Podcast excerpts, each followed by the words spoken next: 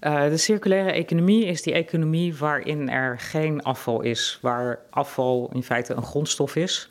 Uh, zodat we alle kringlopen sluiten. Je gooit niks meer weg, maar je kijkt bij alles hoe kan ik het weer opnieuw gebruiken. Maar dat vraagt dus ook iets van ontwerp van producten, uh, de manier hoe je omgaat als iets niet meer bruikbaar is, uh, de manier van scheiding als je producten niet meer nodig hebt. Dus de circulaire economie is eigenlijk iets waar geen uh, zeg maar grondstoffen uitgaan, maar waar alles weer rondgepompt wordt en weer opnieuw gebruikt wordt. Ja, en dan kijkt u naar bouwen en herwaarderen. laten we eens naar bouwen kijken. hoe kan er circulair gebouwd worden in Leiden en gebeurt dat dan? Ja, dat gebeurt. Hè. Met name ook op het Bioscience Park zetten we heel erg in op uh, circulair bouwen. Uh, dan kun je kijken naar, uh, zeg maar, materiaal wat al eerder gebruikt is geweest. Bijvoorbeeld secundair beton noemen we dan.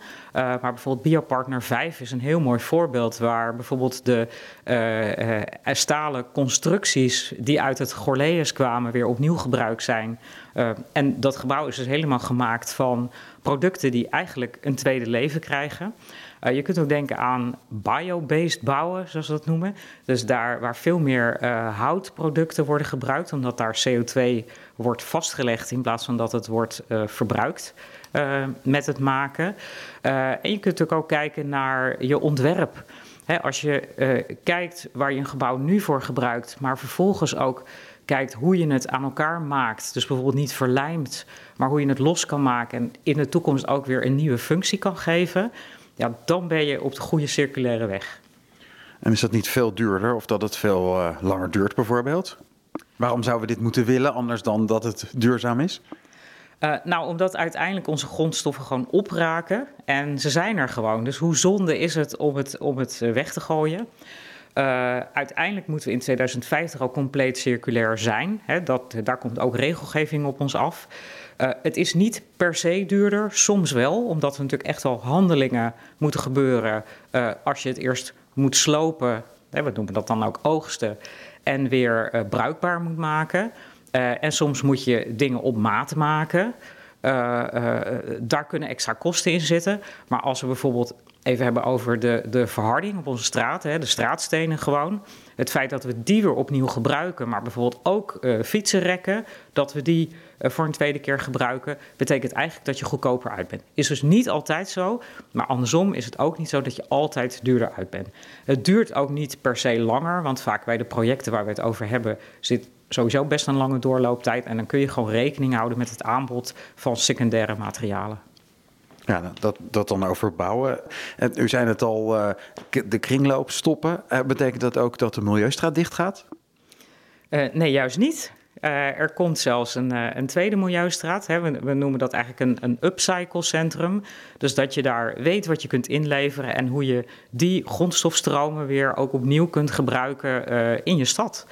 Uh, dat plan hebben we natuurlijk al langer, maar die komt aan de Kenauweg en die moet eerst, uh, moet eerst vrij zijn. Uh, dus zo willen we juist van alles um, hergebruiken. En natuurlijk soms ook aan de voorkant nadenken, heb ik het echt nodig? Moet ik het wel kopen? moet ik het wel verbruiken? En een goed voorbeeld vind ik nog altijd de statiegeldbekers, waar we echt wel een van de eerste waren die op zo'n grootschalig evenement als Leidens Ontzet dat uh, gebruikten. We zijn nu bezig ook met de andere verpakkingen. Dus op allerlei punten in, ja, in je leven kun je circulair worden door echt goed na te denken uh, moet ik het weggooien of hoeft dat niet? Kan ik het weer opnieuw gebruiken? Moet ik het wel gebruiken? Dus het vraagt echt even ook een andere manier van denken. Maar als het er eenmaal in zit, zoals ook die statiegeldbekers, daar is toch iedereen aan gewend. En gaat u dat bereiken door mensen te motiveren of te dwingen? Ik denk dat het een combinatie is van, van allerlei manieren. Ik bedoel, het verleiden uh, en het makkelijk maken, het faciliteren, is natuurlijk wat we aan de ene kant willen doen. Hè, dat hebben we bijvoorbeeld ook met de papiercontainers gedaan. Hoe makkelijk is dat daar nu om je kleine doosjes daar ook in te gooien?